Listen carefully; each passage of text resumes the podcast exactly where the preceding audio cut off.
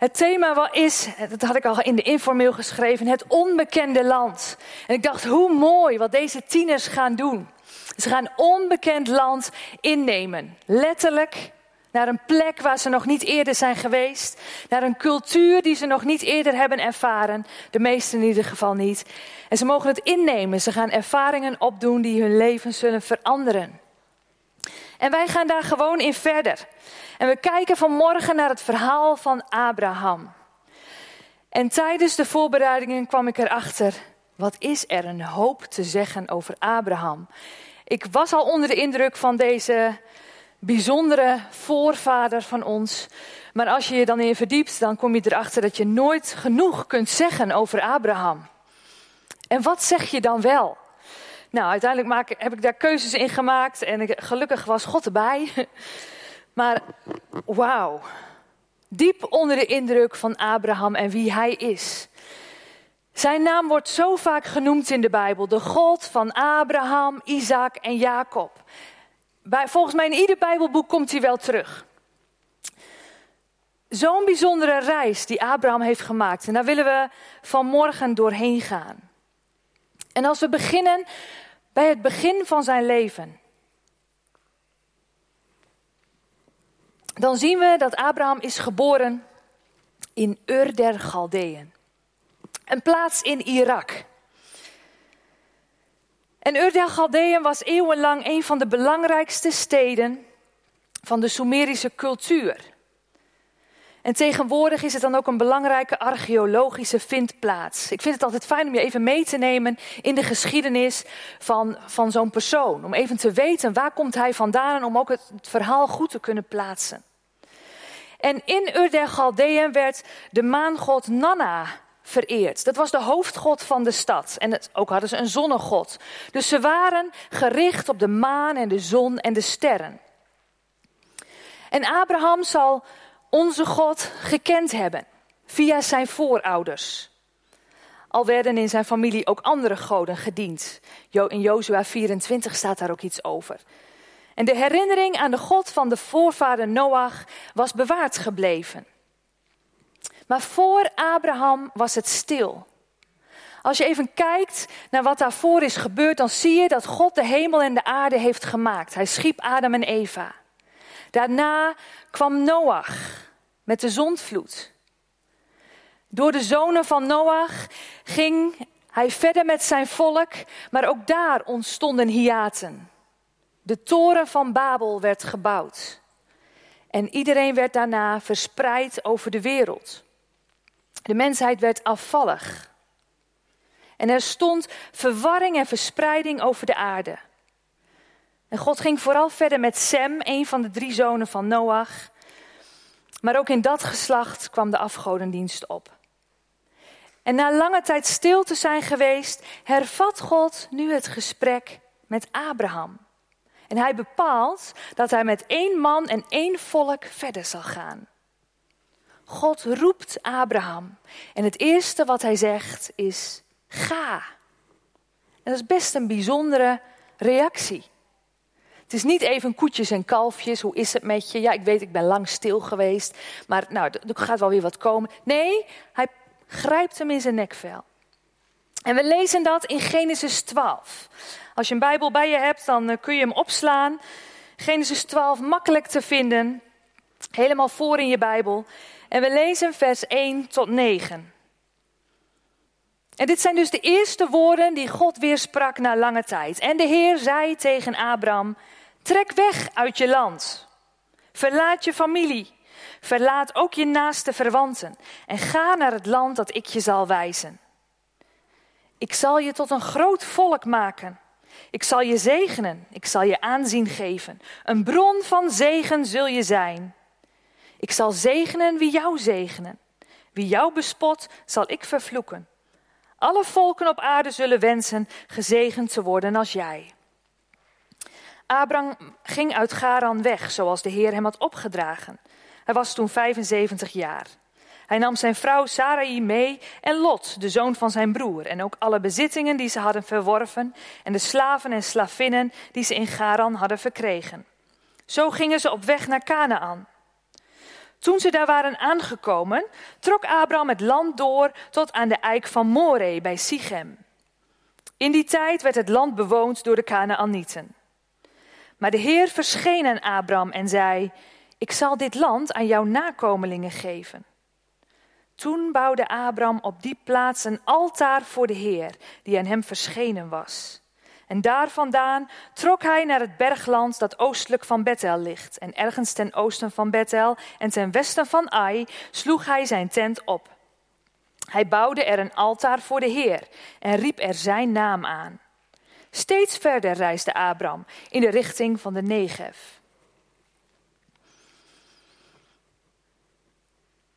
Dus je leest, we lezen hier dat God Abraham de opdracht geeft om zijn land te verlaten. En we lezen drie groepen die God daar noemt, die Abraham moet verlaten. Zijn land, zijn familie en zijn naaste verwanten.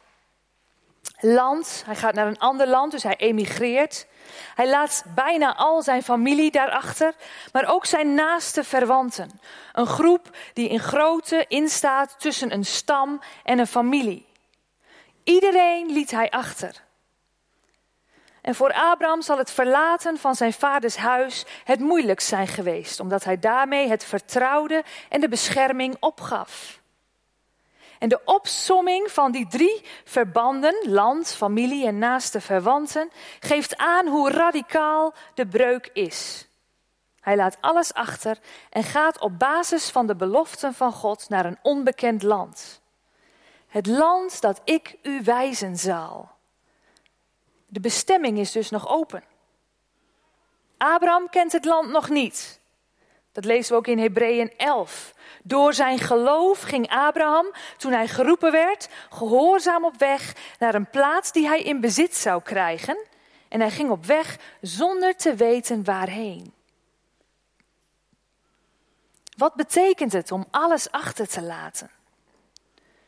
Ik heb het zelf ervaren toen ik, en niet zo drastisch als Abraham, maar wij verhuisden van het noorden naar het midden van het land. Mijn man kreeg een andere baan en ehm, hij had daar heel veel zin in, want hij kreeg zijn, mocht zijn eigen vestiging opzetten. En we dachten, oh, dat doen we wel even. We hadden net een babytje van de negen maand en uh, we moesten het huis verbouwen, maar we zagen het helemaal zitten. Geen probleem. Wij gaan die kant op. Het was vlakbij Zwolle. Maar pas later had ik door wat de impact was. Ik had niet echt afscheid genomen. Ik dacht, we zijn net een uurtje rijden van Groningen vandaan. We kunnen makkelijk terug. Ik had mijn baan gehouden in de provincie Groningen. De opvang van, de van mijn oudste dochter was daar nog. En we raceden gewoon heen en weer. Ik zag het helemaal voor me. En ja, voor eventjes ging dat best goed. Maar na verloop van tijd kwam er een tweede kindje. En met twee kinderen heen en weer reizen en alles hier houden, was ingewikkelder dan met één. Je wilde daar ook wat opbouwen. Dus we voelden ons echt in een spagaat staan op den duur. En we beseften dat we een keus moesten maken. Willen we echt ons leven daar opbouwen? Of willen we teruggaan? Want zo gaat het niet. We moeten een keus maken. En uiteindelijk hebben we om meerdere redenen gekozen om terug te gaan. Omdat we merkten dat het niet de plek was die op dat moment voor ons geschikt was. En we zijn dus weer in het hoge noorden aangekomen. Want je wordt op jezelf teruggeworpen met alles wat erbij hoort. En ik merk het ook hoe ouder je wordt, hoe meer je meemaakt, hoe meer je ook merkt dat je op jezelf wordt teruggeworpen. Dat wat jij beslist, dat het gevolgen heeft voor je toekomst. En stel je voor dat je emigreert, een nog grotere stap. We kennen allemaal wel mensen die dat hebben meegemaakt. De impact die dat heeft voor de mensen die weggaan, maar ook voor de mensen die achterblijven. Grote gevolgen. Ook zijn er mensen die korte tijd in het buitenland wonen en die dit proces dus vaker meemaken. En ik denk dan bijvoorbeeld aan Jonathan en Ingeborg, de zendelingen uit onze gemeente, die nu op Heidebeek werken, maar die ook een poos in Azië hebben gewoond. Jonge kinderen vertrekken naar het buitenland, niet precies weten hoe lang. Heftig. En natuurlijk, als je een plan hebt en je hebt een doel, dan ga je ervoor. Maar er komen momenten dat je inzakt en dat je denkt, hoe nu verder? En daarin mag je ook je eigen realiteit erkennen. En als we kijken naar de realiteit van Abraham, dan zien we dat God dus tegen hem zegt: Je gaat naar Canaan en dat land geef ik je. Nou, dat land geef ik je. Abraham kwam daar, maar er woonden nog allemaal andere mensen. Het was niet van tevoren mooi schoongeveegd door de Heer en hij kon het land innemen en het helemaal bevolken zoals hij voor ogen had. Dus de beloften die ingaan tegen de waarneembare feiten, die worden nog heel wat keren herhaald. God blijft zeggen: Dit is het land wat ik voor jou heb. En dat is fundamenteel voor het verloop van de verdere geschiedenis in het boek Genesis. Niet Abraham bepaalt wie welk gebied krijgt, maar God, de eigenaar en de schepper van het land. En vervolgens bouwt Abraham een altaar om te offeren. En in het kleine stukje tekst wat we net hebben gelezen, zien we dat hij dat twee keer doet. Dus dat altaar, dat is een dingetje. Hij bouwt een altaar om te offeren. En hierin volgt hij Noach, die een altaar maakte.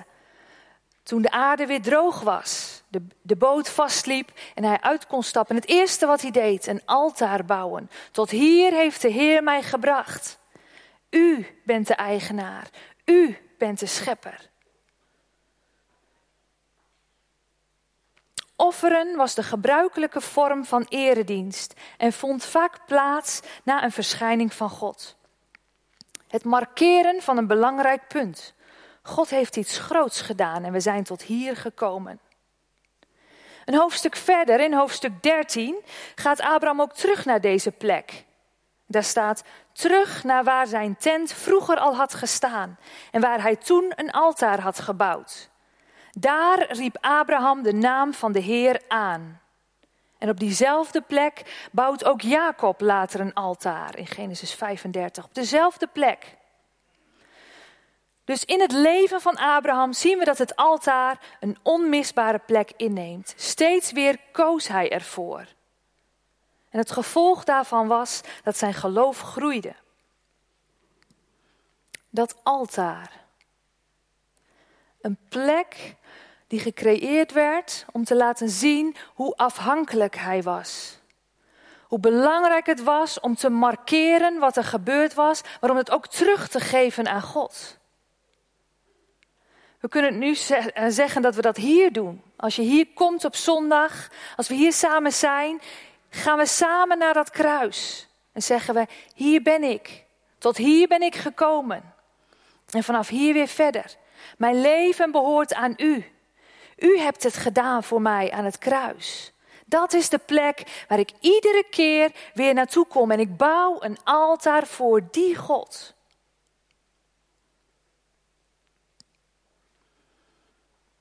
Als God het land Canaan aan Abraham belooft, dan gaat de belofte niet gepaard met de opdracht om de lokale bevolking uit het land te verdrijven en het land te veroveren. Abraham wordt een goede buur van de volken die al in het land leefden. En als Sarah sterft, een paar hoofdstukken later, dan neemt Abraham niet een plaats om haar te begraven eenvoudig in bezit. Nee, hij koopt deze na langdurig met de eigenaar te hebben onderhandeld en de volle prijs ervoor te hebben betaald. Opmerkelijk is dat deze eigenaar, Efron, ook weer een Hethiet is. Want ook het land van de Hethieten is aan Abraham beloofd. En toch koopt hij het land. Abraham behandelt de Hethieten kennelijk met groot respect. En dat kun je ook lezen in Genesis 15. Ik denk dat het goed is om daar even nog naartoe te gaan. Want daar wijdt God nog wat verder uit welk land hij precies aan Abraham zal geven. Genesis 15, vers 18 tot 21. Die dag sloot de Heer een verbond met Abraham. Dit land, zei hij, geef ik aan jouw nakomelingen van de rivier van Egypte tot aan de grote rivier de Eufraat, het gebied van de Kenieten, Kenizieten en Katmonieten, de Hethieten, daar heb je hem, de Perizieten en Rafaïten de Amorieten, Canaanieten, Girgasieten en Jebusieten. Dus het land waarvan Abraham wist dat het een beloofd was, werd op een bijzondere manier ingenomen. Zonder geweld op dit moment. Tijdens de periode dat Jozua het volk aanvoerde, liep het weer anders. Maar daarvoor ging dat op deze manier. En wat ik net al zei, ja, daar kom ik eigenlijk iedere keer weer op terug. Ik hou zo van Gods woord. Ik hou er zo van om hierin te duiken. Om me te laten meenemen, uh, ook door commentaren erop na te slaan, om te lezen wat andere sprekers erover zeggen en te luisteren. De Bijbel is zo rijk. Er staat zoveel in en ik wil je echt aanmoedigen om erin te duiken. Desnoods deze tekst vanmiddag nog weer te lezen of in de komende week. Gods woord is zo vol en er staat zoveel in wat hij wil zeggen tegen je.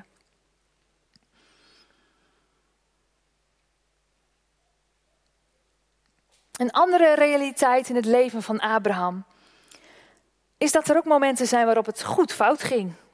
Hij was niet perfect. Ook hij vond het moeilijk om op God te vertrouwen bij tijden.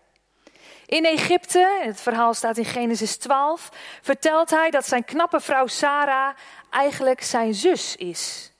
Want hij is bang dat hij anders gedood wordt door de koning van het land.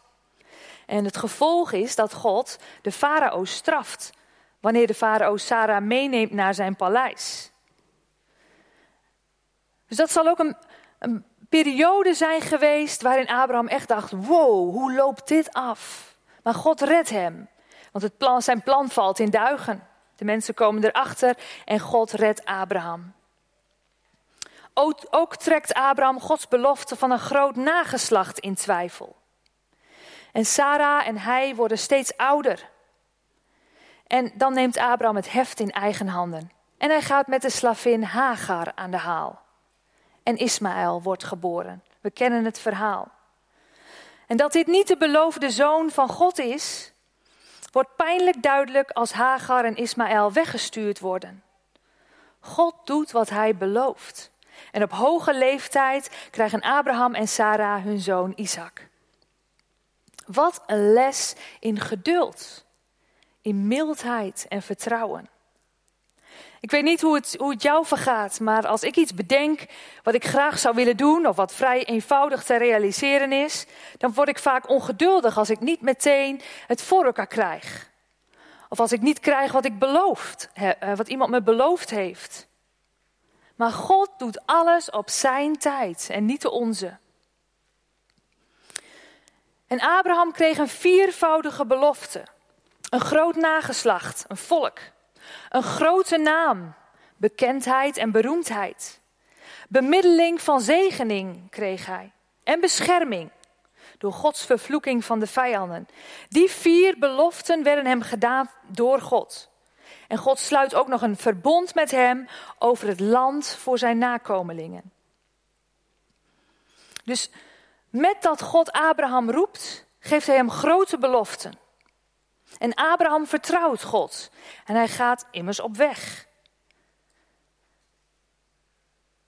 En ondanks dat zijn vrouw Sarah onvruchtbaar is en hij op dat moment nog helemaal niets van die beloften ziet. En misschien zit jij hier en zie je ook niks van Gods beloften.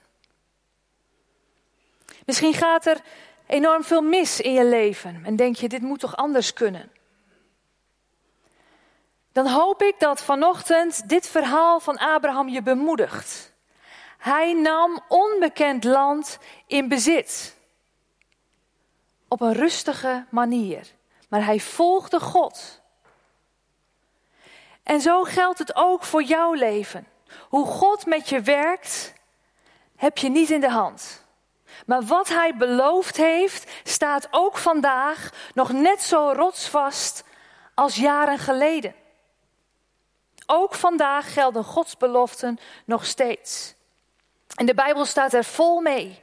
Ik zal een paar teksten ook noemen. Het zal geschieden, staat in Joël, dat ieder die de naam van de Heer aanroept, behouden zal worden. Een prachtige belofte die voor ons allemaal geldt. In Jesaja 40 staat: Wie de Heer verwachten, zullen hun kracht vernieuwen. Zij zullen hun vleugels uitslaan als arenden. Zij zullen snel lopen en niet afgemat worden. Ze zullen lopen en niet moe worden. En de laatste staat in 1 Thessalonicensen 5. Hij, God, die u roept, is getrouw.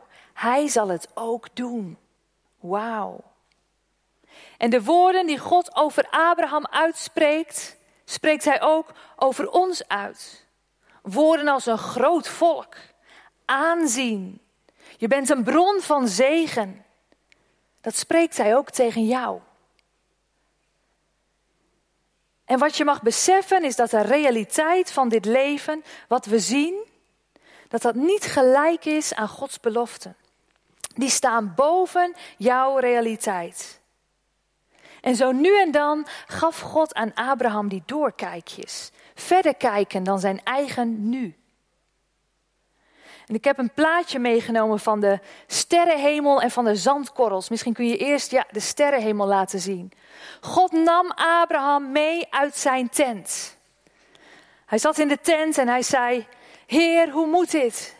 Waar moet mijn, mijn uh, erfenis naartoe? Ik heb geen zoon. En God zei: Kom uit je tent. Als jij in je tent blijft zitten, zul je nooit zien wat ik voor je heb. Maar kom uit je tent en kijk omhoog.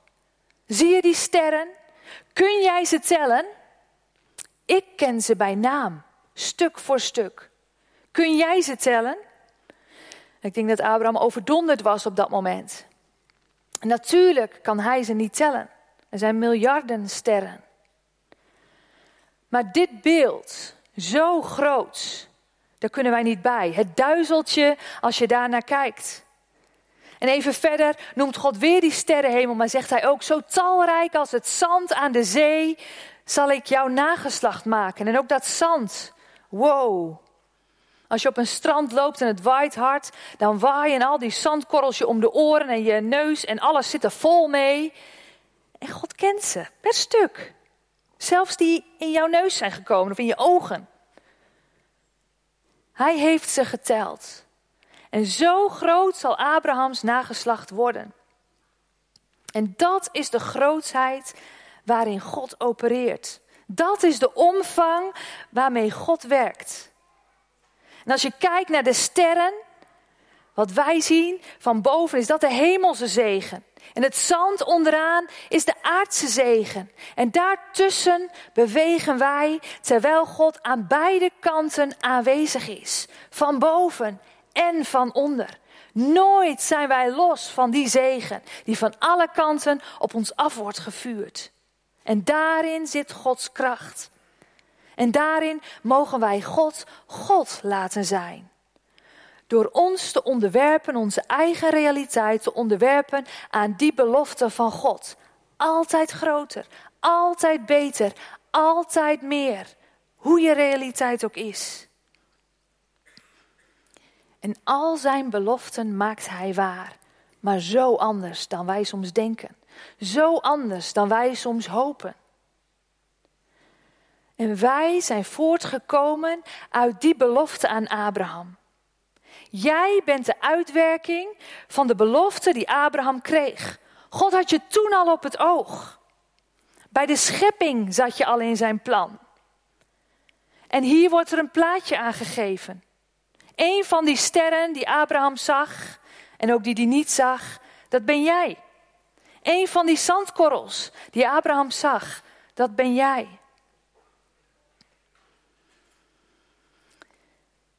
En ik kan me goed voorstellen, en ik heb dat zelf ook gehad, dat je dan denkt: ja, zoveel sterren, zoveel zandkorrels, zoveel mensen.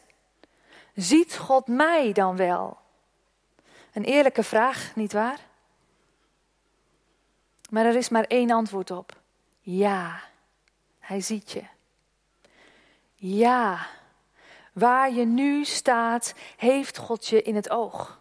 Wat jij ook voelt, wat je ook denkt, Hij is erbij. En het is zo goed om dat steeds opnieuw te horen. God ziet jou. Je bent niet dezelfde als vijf jaar geleden. Je hebt ervaringen opgedaan in het leven. Je bent gepokt en gemazeld door wat het leven heeft gebracht. En er is ruimte voor die realiteit. En op hetzelfde moment is er ruimte voor Gods belofte. Ik zie jou. Ik ben bij je. Ik vergeet je niet. Ik heb voor jou nageslacht op het oog. En dan wordt met nageslacht ook juist geestelijk nageslacht bedoeld. Mensen die je tegenkomt in je leven, met wie je een stukje oploopt en met wie je deelt over je leven. Tel je sterren, tel je zegeningen. En onze verhalen zijn niet opgeschreven in de Bijbel. Terwijl we allemaal wel een verhaal hebben. Een verhaal wat gehoord moet worden. En de realiteit van jouw situatie in combinatie met Gods beloften en die verhouding daartussen, dat geeft een getuigenis. Het geeft een verhaal wat gehoord mag worden. En dan maakt het niet uit hoe je in elkaar zit. Ben je iemand die heel de, de Bijbel heel goed kent? Dan heb je daar ervaring in opgedaan. Dat moet gehoord. Ben je iemand die juist alles aangaat in het leven en daardoor veel heeft meegemaakt en juist veel ervaringen heeft opgedaan? Het moet gehoord. Waar je staat vandaag, heeft, daar ben je gekomen door keuzes die je hebt gemaakt. Goede keuzes, minder goede keuzes. Soms niet eens je eigen keuzes. Het, het is je gewoon overkomen. Toch zit daar een verhaal. Altijd. Gods hand rust op je. Een uniek verhaal. Wat niemand anders heeft, dat heb jij. En daarin ben je nodig. In het leven van Abraham is ruimte voor de realiteit en ruimte voor de belofte van God. Het is er allebei. En ze komen samen in geloof. Abraham kijkt niet naar zichzelf, hij kijkt naar God. En God blijft zijn beloften trouw. Hij werkt uit wat hij heeft gezegd. Zijn hele leven is er vol van. Dus als we het dan hebben over het innemen van onbekend land, dan gebeurt dat door eerst iets achter te laten. Je familie, je vrienden, soms letterlijk. En soms is het losmaken, als een puber, door op eigen benen te gaan staan. Loslaten. Bij Abraham zien we ook dat hij niet land verovert met geweld, maar hij woont ertussen.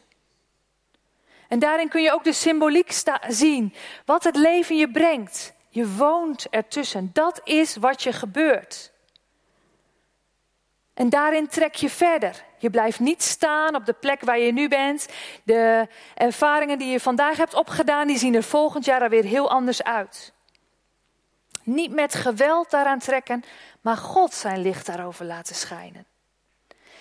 En in het onbekende land een altaar bouwen. Om te markeren dat je zo ver bent gekomen. Maar vooral ook om te markeren dat je in geloof daar bent gekomen. Om Gods licht ook daarover te laten schijnen. Je te onderwerpen aan die belofte die hij je heeft gegeven. Om een altaar neer te zetten. En je hoeft echt niet zelf iets te bouwen met een vuurtje. Dat kun je op verschillende manieren doen, op symbolische manieren om te zeggen: vandaag sta ik hier. Dank u wel voor wat u me geeft. Dank u wel. Het is misschien niet mijn keus dat ik hier ben. Het is misschien niet mijn keus dat al die mensen me hebben verlaten of wat er ook maar is gebeurd. Of een ziekte die me is overkomen. Maar ik markeer vandaag, want ik ben hier gekomen en u bent erbij. God danken voor wat is geweest door alles heen. In geloof. God is trouw en je weet het. Vertrouwen uitspreken in de toekomst. Ook al zie je het nu nog niet. Want God heeft die beloften gegeven. En zo nu en dan is het ook goed om terug te gaan naar de plek waar je eerder bent geweest. Zoals Abraham ook terugging naar de plek, naar, het altaar wat hij eerder had gebouwd. En het kan zijn omdat hij ondertussen van alles had meegemaakt waar hij eerst schuld over moest beleiden. Dat hij terugging naar zijn altaar om te zeggen: Ja, Heer, u hebt gezien wat er gebeurd is. Ik moet deze plek opnieuw markeren en opnieuw laten zien dat u God bent. En dat ik kijk en me richt op die belofte en niet op mijn situatie. Teruggaan naar de momenten waarvan je weet: daar is God. Daar is die genezing. Daar is heling. Terug naar de plek waar je tent heeft gestaan en waar je een altaar hebt gebouwd. En bij Abraham zien we dat we ons zo nu en dan mee mogen laten nemen uit de tent. En op mogen kijken naar de sterrenhemel.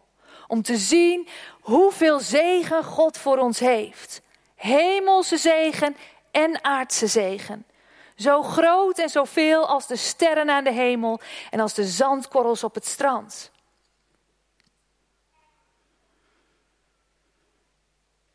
Dat is wat God voor je heeft. En het is nooit af. Er zijn altijd meer sterren. Er is altijd meer zand om in die termen te blijven. Gods zegen houdt nooit op. Je bent nooit gearriveerd. En God is nooit klaar met je. En natuurlijk is het soms goed om momenten van rust te nemen en om, om heerlijk te genieten van wat er gebeurt. Of juist als je in allerlei heftigheid zit om je even terug te trekken. Maar ook dan, die tent, een heerlijke, veilige plek. Zo goed om in zijn aanwezigheid ook daar te zijn. Maar ook dan merk je, dan ontwikkelt het verder. Je gaat verder, want God is nooit klaar met je. En zoals Abraham een altaar bouwde, mogen we zien dat door de, ook door de rest van het Oude Testament heen, dat altaar ook doorverwijst naar Jezus. Onze Jezus die aan het kruis ging voor ons. En dat is de plek waar we altijd uitkomen. Dat is de plek waar God ons ook mee naartoe neemt, iedere keer opnieuw. Daar is het gebeurd voor ons. Vanuit daar mogen we iedere keer weer schoon voor Hem staan. Schoon. Jij. Vrij. Jij. Weg met de stenen uit je leven. Bij Hem. En kijk omhoog naar de hemel. En zie wat God voor je heeft gedaan. Wat Hij nog voor je heeft. Want er is altijd meer Jezus. Ik wil je ook vragen om te gaan staan. Dan gaan we ook zo dit in gebed brengen. En mocht je zelf nou een situatie in je leven hebben die nu steeds door je hoofd spookt. Ja, dan geloof ik dat je ook echt even speciaal je handen op mag heffen. Om daar nu ook tijd voor te nemen. En God te vragen om daarin te komen. En om je, dat Hij jou daarin de sterrenhemel laat zien. Dat Hij de beloften aan jou bevestigt. Juist die beloften die je nu zo nodig hebt. En dan danken we U, grote God, voor Abraham, de vader van alle gelovigen. De vader van ons. Abraham, Isaac en Jacob. Zo vaak lezen we die drie grote vaders uit de geschiedenis. En dank u wel dat we vanochtend een stukje mee mogen lopen in het leven van Abraham. Heer, en dat wat u in zijn leven heeft gedaan, is dat het zo bijzonder was. En dat wij zijn voortgekomen uit de beloften die u Abraham hebt gegeven. Dat wij mogen delen in de zegen voor het volk Israël. Dank u wel dat u de God bent van zegen. En dat u ons omringt daarmee. Van boven, vanuit de hemel, maar ook vanuit de aarde. U zegent ons keer op keer. En u weet hoe we hier staan. Heer, u weet hoe het in ons hart eruit ziet en wat ons bezighoudt. En de realiteit van het leven kan soms zo overnemen om het beeld van u te blijven zien. Om de beloften van u te blijven pakken. Heer, en neemt u ons ook op dit moment gewoon even mee naar uw plan. Laat ons een stukje van uw sterrenhemel zien op dit moment. En we strekken ons uit naar u, grote God. Heer, zo net door alle liederen heen kwam zo uw grootheid naar voren. Alles wat u voor ons heeft, Heer, dat heeft u al lang uitgestort. Heer, maar het pakken is soms zo lastig. Die realiteit neemt het zo makkelijk over. Maar we willen ook op dit moment uitspreken, juist over die realiteit die jij nu in je hoofd hebt of die in jouw hart leeft. Dat Gods beloften groter zijn dan dat. Dat er meer voor je is dan die realiteit die je nu zo naar beneden trekt. Heer, we staan op uw beloften. De belofte die al begon in Genesis. Die door de eeuwen heen in onze geschiedenis ligt en waar we vandaag opnieuw op mogen gaan staan. Die beloften. Oh, we houden zo van u, Jezus. We houden zo van u, God. We gaan erop staan op dit moment. En we spreken geloof uit in de naam van Jezus. Dat we pakken wat u voor ons heeft, omdat u ons ogen van ons hart openzet. U zet ze open om te zien wat u ziet, om uw realiteit te zien, om te kijken wat het koninkrijk voor ons betekent. Uw koninkrijk.